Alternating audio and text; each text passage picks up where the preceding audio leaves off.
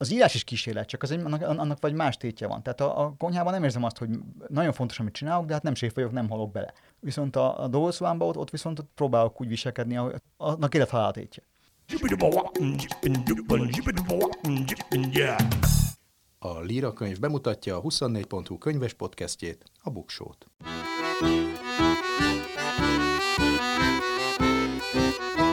Ez itt a Buksó, olvasásról, könyvekről, mindenféle jóról. Én Nyári Krisztián vagyok.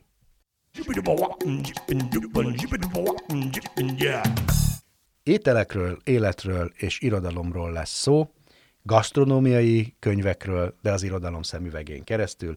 Beszélgetőtársam ki is lehetne más, mint a főzős könyvszerzője Dragomán György, és ajánlani fogok ezúttal nem 10, hanem 10 plusz 5 izgalmas irodalmi szakácskönyvet, vagy inkább irodalmi igényű gasztronómiai könyvet. A száz év magány rovatban pedig könyves világrekordokat fogok a nyári melegre tekintettel ismertetni.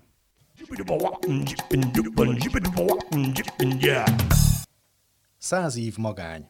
Számok a sorok között, érdekes adatok a könyvek világából. Könyves világrekordokat hoztam így a nyárra. Például azt, hogy a legnagyobb könyv, amit valaha elkészítettek, egyedi kivitelezésben természetesen, az egy 5x8 méteres könyv, a súlya 1500 kg és 429 oldalból áll. Ez Mohamed Proféta, ez a címe, hogy ez Mohamed Proféta. A könyvet Dubajban mutatták be, az Egyesült Arab Emírségekben 2012-ben 50 ember készítette, és hát olyan történetekből áll össze, amelyek kiemelik az iszlám proféta életét, cselekedeteit, valamint a az iszlám nemzetközi és humanitárius szintén gyakorolt pozitív hatását. A legnagyobb nyomtatott könyv az nem ekkora, de mégiscsak nyomtatva van, tehát könyvebb-könyv, az a Kis Herceg, ami portugál nyelvű verziójáról van szó, ami kétszer három méteres, 128 oldal, a 13. Riói könyvására készült el 2007-ben. Egyébként a Kis Herceg az tart még egy rekordot, ez a legtöbb nyelvre lefordított könyv.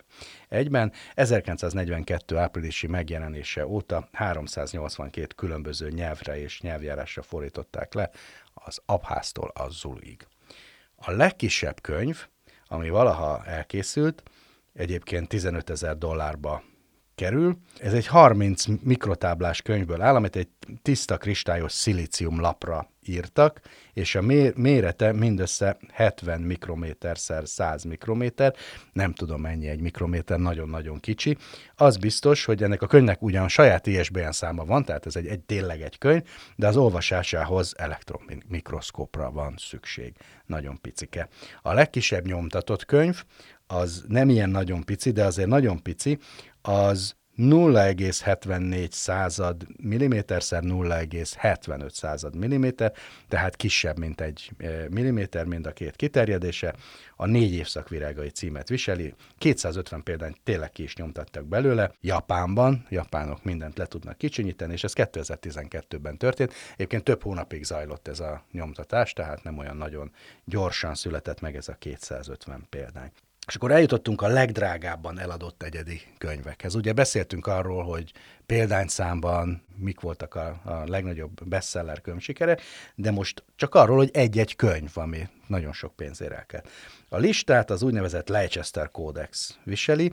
Ha ez így nem mond semmit, akkor azt mondanám, hogy ez Leonardo da Vinci-nek eh, a az egyedi kézzel írott könyve, az ő megfigyeléseinek, gondolatainak, elméleteinek és illusztrációinak gyűjteménye. Ez eredetileg 30,8 millió dollárért kelt el a Christie's aukciós házba, de még 1994-ben, úgyhogy ez ma körülbelül 50 millió dollárnak felel meg.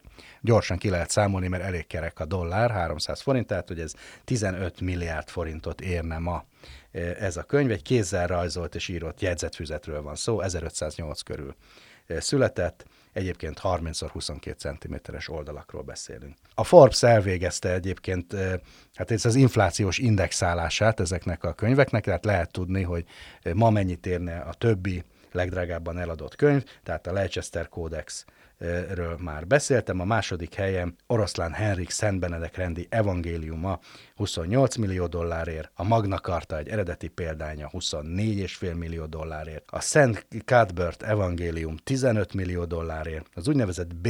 Zsoltáros könyv 14,5 millió dollárért, azt hiszem, hogy ez az első amerikai nyomtatott könyv, és egy B nevű településnek a valószínűleg nagyon vallásos betelepülői nyomtatták ki az úgynevezett Rothschild ima könyv a következő, ami 13,9 millió dollárt ér. Van egy, ne, az első nem vallásos könyv, persze a Magna Carta sem az, az első, első ismeretterjesztő könyv a listán, a hetedik helyen az amerikai madarak címet viseli, és 12,6 millió dollárért kelt el, ez egy valószínűleg egy 18. századi könyv lehet. A Canterbury meséknek az eredeti példánya, ugye Geoffrey Chaucer könyvéről van szó, 11 millió dollár, dollárért kelt el, 11,1 millió. A kilencedik helyen az amerikai alkotmány és az emberi jogok egyetemes nyilatkozata van egy könyvbe fűzve 1789-es George Washington aláírásával, 10 millió dollárért kelt el 2012-ben, vagyis hát mai áron két 10 millió dollárért. És az utolsó helyen végre egy szép irodalmi mű, Shakespeare, végjátékok, történetek és tragédiák, ez a First Folio 8,2 millió dollárért kelt el 2001-ben, ezek tehát a világ legdrágább könyvei, és akkor még három érdekes számot mondok, a legdrágábban eladott új könyv egy példánya, tehát amit már a modern korban adtak ki. Ez, ez egy Michelangelo-ról szóló könyv, La Dotta Mano a, a címe, 100 ezer euróért lehet megvenni, vagy 155 ezer dollárért kerül egyetlen példány, aminek a titka az, hogy ez bizony egy elég súlyos könyv, 28 kiló, mert minden kézzel készített másolat elkészítése 6 hónapot vesz igénybe, tehát meg lehet rendelni, az előlap pedig fehér márványból készült. Szerintem minden háztartásban helye van. A világ leglassabban eladott könyve, szerintem ez is egy nagyon érdekes adat, ez egy új szövetség fordítás, David Wilkins adta ki 1716-ban, kopt és latin nyelvű Bibliáról van szó, abban a kopta az igazán érdekes. 500 példányban adta ki 1716-ban, és aztán 20 hetente átlagosan egyet eladott. Ez a kiadó 191 év alatt fogyott el, de tulajdonképpen teljesítette a kiadói célt, megvették. És a végén pedig a, a leghülyébb adat, a leghosszabb című könyv, ami 3777 szóból, azaz 26 ezer betűből áll, egy indiai író Vityala Jethindra adta ki Kirgizisztánban, hogy miért ott, azt nem tudom. 2019-ben nagyon hosszú a könyvcím, nem fogom felolvasni, de így kezdődik a szív történelmi fejlődése, azaz az Annelidából való kialakulásától kezdve kagylóféreg, lugvarm, Tubifex, Pertima, édesvízi pióca, tengeri pióca és szárazföldi pióca, és aztán további eh, hát, eh, különböző furcsa állatoknak a nevét sorolja ez a könyv. Jó olvasást kívánok! Könyvemberünk ezúttal Dragomán György. Nagyon sok mindenről beszélgethetnénk, meg szoktunk is, de most a, a, a téma az a gasztronómia, a főzős könyv, főzés és irodalom viszonya. Hagy olvassak föl egy, egy idézetet, tulajdonképpen egy kritikából, de az is lehet, hogy egy könyvismertető, de inkább kritika. Amit Molnár B. Tamás írt, és szerintem ez ebben a műfajban egy, egy, egy ilyen igazi aranykoszorús dicséret. Néhány évek Rudi Gyuláról egy nagy tollú méltatója ezt írta. Minek főzni tudni annak, aki írni tud? Ezzel a felfogással nagy számú krudizáló szerző azonosul mind a mai napig. Dragomán György most 400 oldalas, keményfedeles princáfolatot adott közre, melyből az derül ki, hogy sokkal jobb, ha az ember valóban tud írni, és ráadásul még főzni is. A könyv nagyon személyes és nagyon főzős. Ugye, aki nem ismeri Molnár B. Tamás, tehát a modern magyar gasztrokultúra egyik nagy guruja, pápája, aki nagyon sokat tett azért, hogy a magyar gasztrokultúra hát fölé legyen halóporaiból, valamikor a 90-es években, és hát azóta is érdemes figyelni a szavára azoknak, akit a főzés gasztronómia érdekes. Szóval ez egy nagyon, nagyon jó kritika egy ilyen műfajú könyvhöz. Én nekem az lenne az első kérdésem, amit, amit ez a kritika is tartalmaz. Azt mondja, hogy nagyon tudsz írni, hát ezt tudjuk.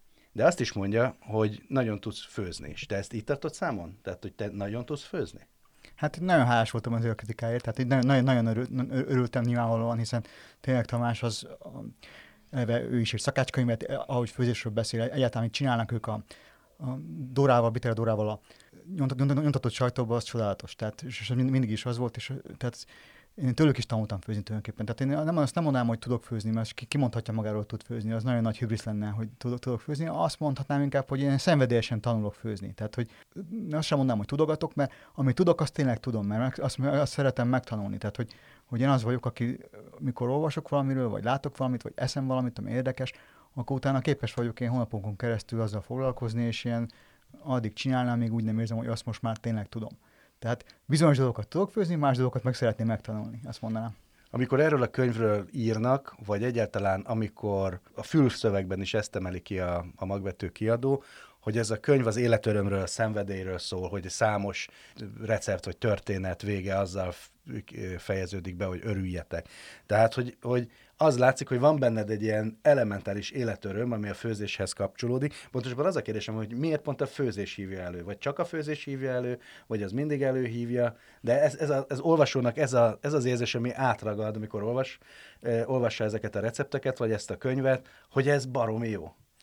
Hát nekem meg kell tanulni örülni. Tehát, hogy ugye, aki olvasta a nem főzős könyveimet, az tudja, hogy nem, nem, nem, nem a legvidámabbak a, a, a több, többi könyveim, kemény dolgokról szoktam írni, és sötétségbe ülök, én mindig, mindig úgy érzem, hogy a szobám az egy ilyen sötét hely, pedig nem az valójában, fehérek a falak, meg minden, de ahol írok, az, az, az azért a sötétség, mindig azt gondolom.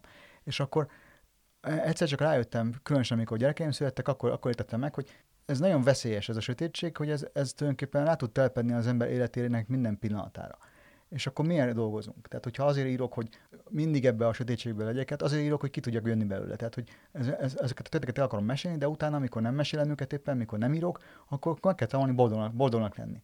Akkor meg kell tanulni örülni. Ez kicsit olyan, hogy, hogy végül is egy diktatúrában éltem, és egyszer csak felszabadultunk. És akkor akkor én rájöttem, hogy mikor ez megtörtént, tehát én emlékszem konkrétan, hogy mondjuk átjöttünk a határon, hogy szerelmes lettem, tehát voltak ilyen konkrét események, amikről mindig azt mondtam, hogy nekem ennek örülni kell, hogy nekem ezután örülni kell. Tehát, hogy, hogy végre, végre ezt lehet, lehetek szabad, ezt a szabadságot, ezt élvezni kell, akarni kell, és meg kell tanulni tulajdonképpen. Úgyhogy én tudatosan készültem arra, miután megírtam az első regényem, akkor még nem nagyon jöttem ki a szobából, tehát az még úgy készült, hogy, hogy nem tudtam örülni közben. Tudtam azért, mert ugye próbáltam szépen élni már is, de akkor elhatároztam, hogy, hogy én tudatosan készülök arra, hogy, hogy örüljek, mikor nem írok. A, annak, hogy, hogy van élet a szobán kívül is. És akkor a főzés ennek egy nagyon evidens terepe lett nagyon gyorsan, mert hát mindig is szerettem főzni, szerettem menni, a családban mindig ez fontos volt, és, és akkor nyilván adja magát, hogy az ember stresszesen főz, meg idegesen főz, és, és akkor erre viasztom, hogy a, elég nekem az írás stressze. Tehát, hogy nyilván persze ez nem teljesen így van, mert néha érik az ember kudarcok, meg vannak stresszes, stresszes helyzetek, meg nem mindig sikerül, de mégiscsak azért arra, a, a, a, egy ilyen nagyon átélt módon próbálok főzni. És Mást is egyébként, tehát más is, mikor nem írok, mindent próbálok át, átért volna csinálni. Én nagyon tudok napozni, nagyon tudok nem csinálni semmit, csak úgy nézni az eget, tehát ezeket mind nagyon tudom. De a főzés erre nagyon jó. Tehát ezt valahogy úgy kell elképzelni, hogy van a lelkedben egy dolgozószoba, ahol az életednek a borús része van, meg van egy lelki konyhád, ahol meg felszabadult gyermeki örömmel tudsz tevékenykedni? Igen, tulajdonképpen. Tehát ez egy kicsit játék valóban. Tehát nyilván kapcsolódik ahhoz, hogy akkor gyerekeim születtek, és akkor, akkor egyszerűen élvezni kellett azt, hogy újra játszhatok, hogy ezt ilyen játékosan lehet csinálni, hogy lehet szórakozni, kísérletezni, játszani. És az írás is kísérlet, csak az egy, annak, annak vagy más tétje van. Tehát a, a konyhában nem érzem azt, hogy nagyon fontos, amit csinálok, de hát nem séf vagyok, nem halok bele. Viszont a, a dolgozóámban ott, ott viszont ott próbálok úgy viselkedni, ahogy annak élet tétje. Én a játékosság meg az életöröm mellett még egy dolgot észrevettem, ami nálad a főzéshez kötődik, ez pedig a, a valamiféle szintetizált ismereteknek az összeállítása. Tehát, hogy neked az is fontos, hogy megérts meg, megtanult. Egyszer elmeséltem neked, amire nem emlékeztél, ezt az édesburgonya toast sztorit, amit, ami úgy történt, hogy mi találkoztunk egy, egy ilyen irodalmi fesztiválon, ahol este beszélgettünk a különböző vacsorákról, és az, mondtad, hogy van az édesburgonya toast, az milyen jó dolog, le kell vágni egy szeletet az édeskrumpliból, be kell tenni a kenyérpirítóba, kétszer lehúzni, és utána bármi rákenhető, mint a mégypirítósra. Ezt hazamentem, boldogan megcsináltam, és írtam neked, hogy tényleg nagyon finom, amire azt mondtad, hogy ja, te még nem kóstoltad meg, még csak olvasol róla. És hogy, hogy, hogy nekem ez is nagyon tetszik, hogy, hogy látszik, hogy gyűjtöd össze az információkat, tulajdonképpen ez neked egy ilyen lelki lexikon is, hogy, hogy, hogy minden olyan fontos dolgot összeszedni, ből megértheted az édesburgonya pirítóst, vagy éppen amit. Igen, hát én kíváncsi vagyok, és valóban így van. Azt azóta megcsináltam egy párszor, és több különböző verziókban, de még annyira nem lett jó, hogy én ezt betegyem a főzőskönyvbe. Tehát, hogy, hogy nem gondolom azt, hogy elégedett vagyok a recepttel. Tehát valóban működik így, így, így, egyszerűen, és valószínűleg lehet majd egy kicsit bonyolítani rajta, úgyhogy ne legyen sokkal bonyolultabb, de finomabb legyen. És hogyha oda eljutok, és az sikerül, már vannak kísérletek, elég sok, akkor, akkor majd beleveszem a következő könyvbe, vagy akkor megírom. Igen, hogy ez a könyv, ezt, ezt én azért is szeretem, mert részben azok miatt a receptek miatt, amelyek benne vannak, meg azok miatt, amik nincsenek benne, csak beszélsz róla, hogy miért nincsenek benne, meg hogy majd egyszer valamiben benne lesznek. Van egy mondat, amit eh, egy nyilatkozatodban találtam, hogy minden főzés kicsit nyomozás, és az ember a saját korábbi emlékeit és élményeit keresi. Tehát, hogy neked fontos, hogy a személyes viszonyod ezekkel az ételekkel, meg alapanyagokkal eh, meg, meglegyen, ez hogy alakult ki ilyen identitásképző dologgá nálad az ízekhez való viszony? Valószínűleg nagyon érzékeny írok. Tehát az érzékisége a, azt hiszem, hogy a kulcs, hogy, hogy mindig a, az érzékelést én nem csak a látáson keresztül, ugye én lát, látomásos író vagyok, tehát a képekből indulok mindig ki, de a képekből, a kép, akkor lesz igazán jó, amit írok, ha a képeken túl a testérzékelésnek a szintjére is eljutok, tehát a tapintásra és a szaglásra különösen. És persze az ízlésre is, de igen, az is nagyon fontos. Tehát mikor írok, akkor ennek a teljesét tudom látni, és akkor azt hiszem, hogy a, ez, er, erre jó az, hogy az ember a főzéshez is így, így, így, így viszonyul, tehát hogy, hogy, hogy ilyen érzékenyen, hogy odafigyel az ízekre, hogy minden ízt megpróbál megnézni, hogy megpróbál megérteni, hogy mi történik az ízekkel, ízekkel benne, és vele az ízekben. És, és akkor, akkor ez, ez, ettől lesz az érdekes, hogy, hogy nem tudok, valójában ez így is működik, szerintem mindenkinek így működik, csak nem biztos, hogy mindenkinek van ideje ezen elgondolkozni. Ha meglátsz egy csőkukoricát, akkor mi jut eszedbe? És akkor nekem mindig egyszer eszembe jut nyolc dolog. Tehát ott, mindenkinek ott van a fejében az a nyolc dolog, amikor először ettem, mikor kicsi voltam és pucoltuk, mikor először sütöttem meg. Német Gébilának egy interjúja, ahol elmondja, hogy a legkedvesebb gyerekkori emlékem, mikor a salakdomból kihúzzák a betett kukoricát, amit be, be, be, betettek, és az megsült a héjába, és az az íz. Tehát, hogy ezek a dolgok így egymásra rakodnak, és mikor meglátok egy kukoricát, akkor ezek mind eszembe jutnak valahol. Nyilván erre nincs idő ezt felfejteni, de ha nekiállok írni róla, akkor, akkor viszont felfejtődnek lassan megjelenik a, az ételekhez való viszonyodban az identitásodhoz való viszony is. Tehát például az erdélyiség nagyon jól előjön, a fűszergazdagságban, a, a tárkony, csombor, lestján, miközben ez nem egy erdélyi szakácskönyv, hanem ott van végig ott a, a hogy mondjam, a, a, a tudat alatt valahol mélyen, mindig elő, elő majdnem minden receptnél valahogy én tudok kapcsolni arra, hogy, hogy ez abban a fűszergazdag erdélyi világban indul el, még akkor is, hogyha ez egyáltalán nem egy erdélyi recept. Hát igen, így van, hogy, hogy valóban egy csomó mindent tanultam, és alkalmaztam erre, de, de mégiscsak az, a gyerekkoromnak az ízeig, azok intenzíven megvannak ebbe az egészbe. És tulajdonképpen az egy érdekes, érdekes korszak volt ebből a szempontból, hogy valójában egy hiánykorszak volt. Tehát nem tudtál semmit úgy megfőzni, hogy eldöntöd, mit főzöm, meg, meg, bemész a boltba, megveszed és megfőzöd. Vagy nagyon kevés dolgot tudtál tulajdonképpen, hogy megfőzni, hanem ami került, abból főztél, és akkor a, mégiscsak ott volt a, tehát én tudtam, hogy van száz konyha, hogy van magyar konyha, van román konyha, hogy van örmény konyha, hogy, hogy van még egy kicsit olasz, meg francia konyha is, mert ezek mind egy kicsit összekeveredtek. Ezek a nyomai itt vagy, itt, itt, vagy oda, meg, meg, megtalálhatók voltak Erdélyben. És akkor persze még erre rányomta a Béta apámnak a figurája, aki, aki, aki nem benne van a könyvben, és hogy amit ő nem szeretett, azt nem főzte, és azt nem is nagyon ettünk, úgyhogy például nem ettem halat nagyon sokáig, mert apám azt mondja, hogy nem szerette, és akkor, akkor én azt hittem, hogy Erdélyben nem is lettünk éppen halat enni. Pedig hát lehetett nehéz volna. Erdélyben, vagy nehéz volt. Igen, akkor, akkor, akkor nehéz volt. Mondjuk piszt, pisztrángot, az például, azt, azt, azt néha igen, mikor pisztrángozott, akkor, akkor, akkor igen, de amúgy az, tehát, hogy pedig vannak híres, van egy, van egy nagyon híres erdélyi csukarecept, ami, a, a, ami titok, mert nem tudjuk, hogy hogy van a, a benne van a, a, azt hiszem a Bánfi könyvében van benne, hogy valakinek az a titka, hogy úgy, úgy, úgy tudja megfőzni, hogy, hogy nincs benne egyáltalán szálka. De hogy mi a titka, azt nem mondja el, és a könyv derül ki. Fú, ez milyen jó nyomozás lenne. Hmm. Engem az érdekel, most is említetted az örmény ízeket, hogy neked vannak örmény felmenőid, erdélyi örmény felmenőid, és mégis kimaradtak a könyvből ezek a tipikus erdélyi örményételek, amiket én nagyon szeretek, az angajabur leves, a hurut, mint fűszer, tehát hogy ezekről nem írsz. Ó, elfelejtettem neked hurutot hozni, pedig ígértem. Na, mert huruthoz jutottam, ami egy ilyen hát egy ilyen különleges szállított fűszeres sajt, amit ami is savanyú, és amit úgy használunk kicsit, mint a parmezánt, úgy használják az, örmény, az konyhába, és nehéz csinálni, tehát az igazából ember magának nem nagyon csinál, mert 8 hétig tart megcsinálni, egyszer mi csináltunk azért, de most van nekem ebből tíz rúd, és ígértem neked, de elfelejtettem, de most eszembe jutott, hogy legközebb találkozunk, hozok. Tehát, Köszönöm. Ez Ezért a, volt ez az egész. Köszönjük szépen, viszont találásra. Ez, ez, a fejezet, ez kimaradt, mert, mert ez még nincs kész. Tehát, hogy, hogy, Jó, hogy ez lesz, csak Hát biztos meg fogom írni. Tehát, hogy ez úgy van, hogy ez nem nagyon lehet abba hagyni. Tehát, hogy már mint a főzés nyilván nem tudom abba hagyni, vagy remélem, hogy nem lesz olyan élet, élet, élet, élet nem, ér, nem ér olyan betegség, vagy bármilyen miatt éppen abba kell, abba, abba, abba kell hagyni, és akkor ahogy főzök, úgy gondolkozom is róla, és akkor vannak ezek a dolgok. Tehát mikor ezt a könyvet összeraktam, akkor be kellett látnom egy bizonyos ponton, hogy egy csomó fejezet, amit én felvázoltam, hogy most ezek lesznek benne, még elkezdtem megírni, hogy azok nincsenek kész, és nem is fognak beleférni ebbe a könyvbe, különben tényleg nem lehet kivinni a konyhába, olyan vastag lesz. Tehát hogy akkor, akkor rájöttem, hogy mondjuk az örmény konyha, az, az, az örmény konyhával a játékaim, azok, azok még nincsenek azon a szinten, hogy azt úgy megírjam. Hogy, hogy meg fogom majd előbb-utóbb biztosan írni. És akkor abban lesz tényleg Anga meg, meg Dalauzi, meg, meg minden, ami, ami, ami, amit gyerekkoromban láttam, meg amiről gyerekkoromban hallottam. Mert az is vicces, hogy mondjuk a csomó ételt nem is csináltunk, csak beszéltünk róla. És amikor végre csináltunk, akkor mondhatnám azt is, hogy szinte csalódás volt mm. gyerekként. Nem tudom, a dalauzit azt annyit emlegettük, az egy ilyen örmény édesség. Tulajdonképpen mák, méz és dió keveréke, azt hiszem. Hogy azt tudom most már, mert most már csináltam sokszor.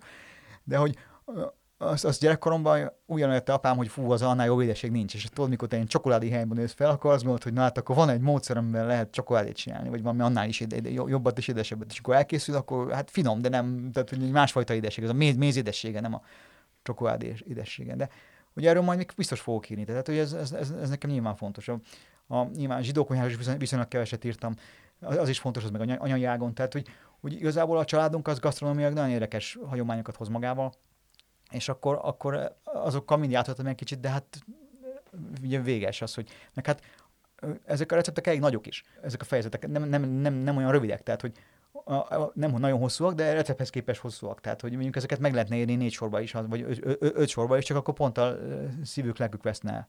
Úgyhogy ezért nincs hely. Tehát, hogy, hogy a, a megírnám ezt a 8-9 örményétet, ami érdekel, akkor, akkor az akkor még mondjuk 60-70 oldal lenne. Tehát majd el fog jönni annak az ideje, remélem. De nem is feltétlenül ebbe a könyvbe, bár egy kicsit itt is, de a, de a interneten közétett receptjében nagyon sokat írsz technológiai dolgokról, meg szeretsz ilyen eszközöket, és akkor nagyon lelkesen tudsz róla írni, és ezeket én is nagyon szeretem, de te nem félsz attól, hogy a főzés egyszer csak így eltechnológiasodik? Hát nem, tulajdonképpen azt gondolom, hogy amennyire ez már megtörtént. Tehát, hogy ennél technikásabb a főzés nem tudom, hogy lesz mert most már mindent, aki technikásan főz, az mindent használ, tehát centrifugákat használnak, meg mindenféle túlnyomásos gépeket, meg nem tudom, ultrahangos kavitációval lehet mondjuk a spárgát alakítani. Tehát lehet egy csomó ilyen technikai eszközt, amit csak lehet. Amit, tehát amit, szerintem az volt, hogy a szakácsok ugye beszabadultak a laborokba, a tudósok meg beszabadultak a konyhába, és amit ebből ki lehet hozni, azt nagyjából, ki, nagy, nagyjából kihozták. Most már csak nagyon elbor, elbor lehet csinálni, amit nem csináltak meg eddig. Tehát én szerintem éppen ez, ezen nagyjából túl vagyunk. Tehát egy csomó dolog ebből megmaradt, és levontuk be a tanulságokat. Ö, azt kell meglátni, hogy tehát mondjuk ilyen a szovidálás. Én nagyon szeretek szovidálni, és minden, de ebben a könyvben nem volt még szovid fejezet, de az nem, tehát hogy az egy olyan technológiai főzés, hogy, hogy igazából nem tudott úgy elterjedni, ahogy el kellene terjednie, amiatt, mert valóban tehát nagyon, nagyon jó minőségű ételeket lehet produkálni vele, viszont gyártod őket, nem, mert, mert amíg, amíg maga a főzés zajlik, addig nem érzed az illatát, tehát hogy az, az, azt a gép csinálja tulajdonképpen. És ezért, ezért, ezért nem akkora öröm csinálni, mert, mert az elején elkészíted, de nem beteszed, és akkor mire, a végén, tehát az a, nem lehet kóstolgatni, nem lehet nézni, hogy mi történik, hanem így, úgyhogy ez egy nagyon érdekes lélekállapot. Én ezzel nem tudok sütni rendesen süteményt, mert az irreverzibilis folyamat onnan, hogy betetted a süteményt. Igen, tehát hogy az is érdekes. A, a, a, tehát, amúgy én szeretem a gépeket, tehát van ilyen robotgépem, az megvettem mindent, amit meg lehet venni, az, az jó, hogy tehát azt a technológiai részét szeretem a főzésnek, hogy lehet gyorsítani rajta. Tehát, hogy mondjuk lehet nagy tételbe gyorsan főzni. Ez érdekes, bár most igazából nincs szükségem, de, de, de, de, de ezek, ezek érdekes dolgok. De azt gondolom, hogy a technika valójában nem fog igazán ezen elrúlkodni. Tehát, tehát annak, aki olyan, olyan alkat, mondjuk ott a Thermomix, és akkor az tényleg olyan receptek vannak, hogy ez dob bele, akkor az dob, tehát a robot is főzhetne úgy, hogyha követné az utasításokat, mm. és az étel, étel jó lesz. De hát pont nem ezt akarod sokszor. Meg az az érdekes, hogy igazából az otthoni főzés az nagyon más, mint a vendéglői főzés. Mert a vendéglőben is arról van szó, hogy mindig ugyanazt az ételt kell megcsinálni, lehetőleg ugyanúgy, nem is mindig a séfnek, hanem a séf utasítási alapján. Tehát egy technológiát kell csinálni, ami mindig hibátlanul működik. Most otthon pont nem ezt kell csinálni, nem, ezt, nem is ezt akarjuk csinálni, tehát hanem uh, egészen más, máshogy főzünk. Úgyhogy ebbe az érdekes, hogy a vendéglői főzés módszertana, hogy tudod beszivárogni a mi konyhákba, és mi az, amit abból meg, meg lehet őrizni, meg fel lehet használni. És ez, ez, ez a játszom tulajdonképpen. Hadd föl tőled egy mondatot. Én úgy gondolom, hogy akik rendszeresen esznek együtt, főznek egymásra, és tudnak egymásnak és egymás főztjének örülni, akik az asztalt szeretetben körbeülik, ők a család. Ugye most nem, nagyon nem így akarják definiálni sokan a, a családot, de az, hogy te ezt összekapcsolod a főzéssel, az, az nekem nagyon tetszik. Tehát, hogy valóban, ahol, ahol együtt eszünk, az nagyon hasonlít arra, ami a család, és lehet, hogy tényleg azonos is vele. Hát szerintem azonos. Tehát én nem is, nem, nem is tudom nem máshogy definiálni, mert hát tényleg, hogyha ha, tehát akkor mit csinálunk együtt, hogyha nem tudunk együtt, egy, együtt enni? Az asztal körül amúgy is nálunk, az asztal mindig az a világ közepe volt, ott, ott zajlott minden, ott beszéltünk meg mindent, ott, ott veszekedtünk, ott, ott, ott, ott békültünk ki, ott beszéltünk meg az élet dolgait, és ott örültünk, és ott tettünk. Tehát, a, nem tudok elképzelni egy olyan családot, ahol nincs egy, egy kerek asztal, ahol nincs egy konyha. Tehát, ha ez Igen, nincs... ez egyben egy megengedő definíció igen, és a családnak, mert más is leülhet az asztalhoz, és elég sokszor ott ül, és, hány, és, igen, és ez így is van. Tehát, hogy nagyon sokszor volt olyan mondjuk, voltak a családunknak olyan tagjai, akik, akik tulajdonképpen családtaga váltak azért, mert mindig nálunk, mindig nálunk voltak karácsonykor, és úgy is gondolok rájuk.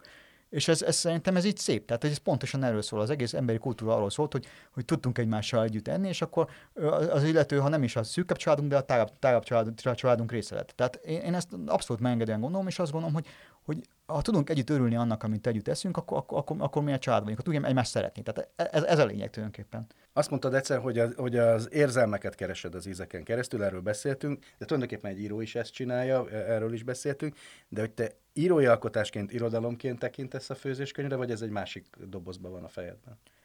Úgy félúton van. Tehát, hogy egyrészt Nyilván ez nem egy regény, és nem is célom az, hogy, hogy mondjuk egy szakácsról írjak egyszer könyvet, tehát ezt nem, nem, nem, nem, nem, nem szeretném, de azt gondolom, hogy ezek irodalmi igényel megít recepteket. Kicsit ilyen önéletrajz, azt hiszem. Tehát, hogy valahogy egy ilyen, azt hiszem a jó kategória erre az, hogy ez egy gasztronómiai ön, önéletrajznak egy fejezetet valójában. Tehát, tehát amennyire egy önéletrajz irodalmi alkotás, annyira ez is tudsz felsorolni olyan könyveket, amelyeket rád, mint a főzőskönyv szerzőjére eh, hatottak, akár szép irodalmi, akár non-fiction, akár szakácskönyv?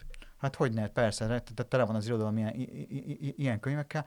Mondjuk mondok mondjuk szakmai könyveket. A leghíresebb, amit nyilván mindenki ismer, az Kőpálnak a e- e- Erdélyi Lakoma című könyve, ami hát nem is tudom mi, tehát egy, egy enciklopédikus kultúrtörténet szakácskönyv. Ez egy közös bibliánk neki. Igen, igen, hát ezt igazából aki egyszer olvasta, az megérti, hogy miért. Tehát az a kérdés, arra a kérdés, hogy miért, de az egyik válasz szerintem ez a könyv.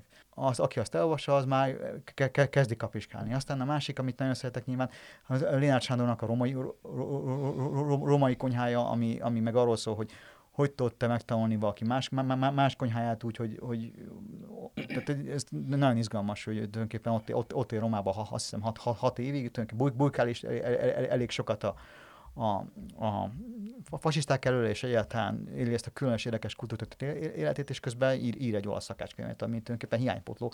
Azóta is, is nagyon kevés olyan olasz szakácskönyvet tudok, amit egy magyar ember írt, és ilyen Ráadásul egy, egy, egy, egy, egy, németül jelent meg először. Igen, és egy, város, egy városról szólt, tehát hogy igazából nem is tudom, hogy van-e még ilyen, hogy valaki, mondjuk valaki azt mondta, hogy a milánói konyha, lenne, lenne, lenne, lenne egy ilyen magyar szakácskönyv, pedig le, biztos, hogy érdekes lenne.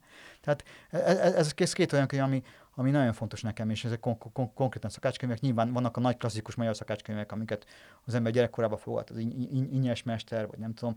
A, Monebét a másik könyvét nagyon szerettem, tehát hogy az, össze van nekik gyűjtve azok az írások, amiket hét, hét, a hétvégi melléketekben publikáltak, és azok olyanok, hogy, hogy az alapján nagyon hasznos ezt forgatni, mikor mondjuk Madridban voltam életemben először, akkor rögtön tudtam, hogy mit kell Madridba enni vagy hogy mit kell Madridba inni, vagy hogy melyik a jó konyak, mert vagy abban benne van. Tehát, hogy az egy ilyen világkalauza az, az, az, az ő könyvük, azt hiszem az nem egy konyha, konyha verzum, ha jól emlékszem. A, az is egy teljesen hiány, hiány, hiánypótlan szép könyv. Nagyon szeretem a Váncsa könyveit, nyilván az van, aztán ö, szeretem ezt az enciklopedikus hibriszt, ami, ami, ami benne van, hogy tényleg minden receptet, ami létezik a világon, meg, meg, meg, meg, meg, megír és megfőz tud. Tehát azt hiszem, hogy ebből a szempontból szerencsénk van, hogy jó, jó szakácskönyveink vannak. Hogy még egy könyv, amit neked nagyon szeretünk, a Király Kinga Júlia könyve, a, a, erdélyi zsidó konyha nyomairól, és tulajdonképpen az erdélyi zsidóság történetéről. Újrakezdés receptjei. Az, az, az, is egy olyan könyv, ami, ami szerintem, hogy tehát, elképzelek egy polcot, ami rajta van a főzéskönyv, és me, me, me, mellette más könyvek, akkor ezeket a könyveket is nyilván oda képzelem mellé. A Cserna könyveit is oda képzelem erre a polcra. Ez azért jó, mert uh, uh, majd fogok ajánlani könyveket, ilyen gasztronómiás irodalom forrásvidékéről, és ezeket mind én magam is összeszedtem, mert, mert tényleg több, ez mind több, mint, mint, mint szakácskönyv, és majdnem irodalom, és közben meg megtudsz valamit az ízlelés, az ízlés, meg az érzékiség vidékéről is. Igen, tehát ez, ez tényleg jó, hogyha erről úgy lehet írni. Aztán nyilván vannak azok a könyvek, ahol evés, e- e- evésről írnak intenzíven, és ez egy másik, más, másik kategória, és akkor tényleg ott Svejtől Crudin át, James Baldwinig nagyon, nagyon sok könyvet lehetne találni. James Baldwinnál is van? Igen, igen, nagyon szépen tud írni a, a Jam, Jam gyökéről, meg ilyen szép, egészen jó. Azt nem tudtam. Baldwin nincs magyarul meg rendesen, tehát hogy igazából az eszély sincsenek meg, nagyon sok minden nincs meg, amit, amit írt. Igen, Mesterezi Monika fordított novellákat, és valamikor megjelent a 80-as években egy elég rossz Európa kiadós könyv, és, és egyébként nagyon kevés. Nem, szerintem, az, tehát az életműve pont nem jutott a Magyarországra, hogy el, el kéne jusson, de hát sok ilyet tudunk. Mikor lesz kettő főzős, főzős könyv kettő? Hát most írom szépen lassan. Ugye ezt tíz éve írtam az elsőt, és, és a, nagyon sok van, ami az elsőben nem körülbelül egy félig kész volt, dolgozom rajta. Hát a ideális esetben azt mondanám, hogy mondjuk a 2002 kará- nem, 2022 karácsonyára például addig, addig elkészülhet. Vagy a következő év karácsonyra, vagy, vagy Valamelyik egyszer egy karácsonyra. És abban már benne lesz a paprikás krumpli, a tökéletes paprikás krumpli recept? Hát, hogyha lehet, lehet. Most már azért, vagy hát néhány verzió biztos benne lesz. Tehát abból a, nekem azt tudni kell, hogy mindig sokszor kérdezik, hogy mi a kedvenc ételem, és az egyik az a paprikás krumpli. Valószínűleg azért, mert gyerekkoromban volt olyan év, hogy szerintem 150-szer ebédeltem paprikás krumplit, úgyhogy ilyen furcsa viszonyom ez az ételhez, és azóta sok verzióban csinálom, és igen, tehát fogok egyszer, lesz, biztos előbb-utóbb valamelyik könyvemben lesz egy paprikás krumpli fejezet, és akkor abban lesz több olyan recept, amik, amik izgalmasak lesznek. Top 10. Egy polcnyi jó könyv.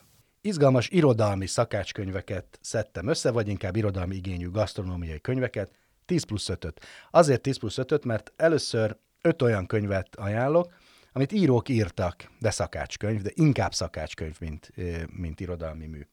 Különböző korszakokról, korszakok gasztronómiát mutatják be. Így az első helyen Sali Noémi 600 tojás, egy se görbe című könyvét ajánlom, ami egy Molnár Júlia nevű 19. századi hölgynek a szakácskönyve 1854-ből, és ehhez írt aztán mindenféle kiegészítő dolgokat e, Sali Noémi, illetve szerkesztette ezt a könyvet, 2020-ban jelent meg az Abóvónál. A másik egy klasszikus, amit eh, Dragomán György is említett, Magyar Elek az Ínyes Mester szakácskönyve. Ez eredetileg 1932-ben jelent meg, de a legfrissebb kiadása 2019-es, ma is kézbe lehet venni, és látszik, hogy egy literátus ember írta, nem csak egy receptgyűjtemény, hanem irodalmi igényel szórakoztató módon is lehet ezt olvasni. Ugyancsak hasonlít hozzá, és az időben megelőzi, tehát rosszul mondtam, az Emma asszony szakácskönyve. Emma asszony nem más, mint Ignotus Hugo. Ez az ő receptgyűjteménye. Kiadták aztán 1902-ben például az Emma asszony levelei című könyvét, ez egy, mint egy levelezési rovat egy újságban, ő egy nő nevében, Emma asszony nevében válaszolgatott a háziasszonyoknak, aztán később kiadott egy szakácskönyvet. 2021-ben ez újra megjelent a Hermit kiadónál, tehát meg lehet vásárolni. A negyedik helyen Lénár Sándor Római Konyha című könyve, amelyet Dragomán György is ajánlott. Sajnos ennek igazán friss kiadása nincsen, de antikváriumba hozzá lehet férni. A magvető adta ki 2004-ben, tehát jó régen utoljára. Eredetileg német nyelven jelent meg, Römise Küche címmel, és ami még nagyon érdekes, hogy Tandori Dezső és Tandori Ágnes fordították le e, magyar nyelvben, és ez tényleg a, a Mussolini korra, az 1930-as, 40-es évek olasz szegény konyháját e, énekli meg, Érdemes együtt olvasni, ahogy Csernaszab András is ajánlotta, a Római Történetek című regényével a szerzőnek, és akkor ott érezzük magunkat a 20. század közepi Rómában. És a végén pedig én is Váncsa István szakácskönyvét ajánlom, ajánlhatnék sokat. A legfrissebb az 1001 plusz recept, amit a Libri adott ki, aki szereti Váncsa István szakácskönyvét, akár csak én, annak ebben is nagy örömmel fog telni. És a végén, nem a végén, hanem most érünk el az irodalmi szakácskönyvekhez, tehát olyan gasztronómiai témájú könyvek, amelyben recepteket is lehet találni, de valami mást is, elsősorban irodalmat. A lista elején egy viszonylag régen megjelent, de beszerzendő könyvet ajánlok, részpál szerkesztésében az irodalmi szakácskönyv. Legutoljára az Edemo Books adta ki 2013-ban, tehát ez is már megérett egy új kiadásra. Cervantes, Galeotto, Petronius, Brian Szavaren, Betlen Miklós, Apor Péter, Tömörkény István, Krúdi Gyula, Mixát, Móricz, Nagy Lajos, és még nagyon sokan ételekről, gasztronómiáról, főzésről írnak, étvágycsináló klasszikus. Természetesen nem hiányozhat a listáról Krúdi Gyula. Hát sok válogatás jelent meg az ő gasztronómiai írásaiból, legutoljára talán a Has 1001 éjszakája címmel a Terciumnál 2016-ban egy ilyen válogatás. Aki csak a gasztronómiai részek érdekelnek Krúdi műveiből, vagy ezt akarja ajándékba adni, annak ajánlom, szerintem még meg lehet kapni. Szintén nagy klasszikus és Dragomán Györgyel itt ünnepeltük Kövi Pál Erdélyi Lakoma című könyve. Ennek van egy új kiadása Erdélyi Lakoma újra töltve címen, ami a Helikonján jelent meg 2019-ben, és kortárs írók írtak mindenféle eszéket a receptek mellé, úgy, hogy az eredeti 1980-as kiadásban is volt, csak most már más írók, véletlenül én magam is közéjük keveredtem. A következő Király Kinga Júlia az újrakezdés receptjei erdélyi zsidó történetek, életről, éjségről és reménységről. Ez egy kultúrtörténeti könyv, receptekkel, a ma már ezer fősre fogyott erdélyi zsidóságnak állít tulajdonképpen emléket a valaha 200 ezeres közösségből már csak ennyien élnek, és közülük párakkal, párral interjút tudott még csinálni Király Kinga Júlia, és a recepteken keresztül az életükről is mesélnek. Nagyon-nagyon izgalmas könyv. Szintén a zsidókonyhához kapcsolódik Körner András a Magyar Zsidókonyha című könyve, alcíme elmondja a lényeget, kultúrtörténet 77 autentikus recepttel, elképesztően jó képanyag van benne, Korvina kiadó jelentette meg 2017-ben, nagyon jó könyv. 2020-ban jelent meg, és ha jól tudom, akkor bolti forgalomban nem nagyon kapható. A Petőfi Irodalmi Múzeum kiadásában nyelvbabérral Szilágyi Judit szerkesztette. Kicsit ez is olyan, mint Részpárnak az irodalmi szakácskönyve. A magyar irodalom gasztronómiai sokszerűség, sok színűségét mutatja be. Tehát ez egy antológia, irodalmilag is nagyon használható, receptek is vannak benne, remek könyv. Csernaszabó Andrástól két könyvet is szeretnék ajánlani, bár sokkal többet is ajánlhatnék. Az egyik a legutóbbi Rézi a Pácban, ami a szerzőnek a gasztronómiai írásait gyűjti össze, a Helikon adta ki idén, illetve egy általam kedvelt nagy klasszikus, a 77 magyar paccal, ami a magvetőnél jelent meg 2017-ben. Ebben receptek is vannak, de valójában ez egy regény a pacáról, ahogy a szerző szokta mondani, kiváló regényfőhős a pacal. Kapcsolódik Csernaszabó Andráshoz, de csak amennyiben szerkesztette a Hévízi hajószakács kortás gasztroirodalmi antológia, a Cserki Adonnál jelent meg nem olyan régen, és íróknak ételekről, gasztronómiáról, ízekről való írásai jelentek meg benne. A Hévíz folyóirat sajnos most éppen pihen, anyagiak hiány nem adják ki, de ez az antológia megjelen, nagyon sok kortás szerző szerepel benne kiváló írásokkal, és hát a végén Természetesen beszélgető társamnak, Dragomán Györgynek a főzős könyvét ajánlom, amely tavaly jelent meg a magvetőnél, és ha minden igaz, jövőre, vagy utána, vagy még egy évvel később megjelenik az újabb része.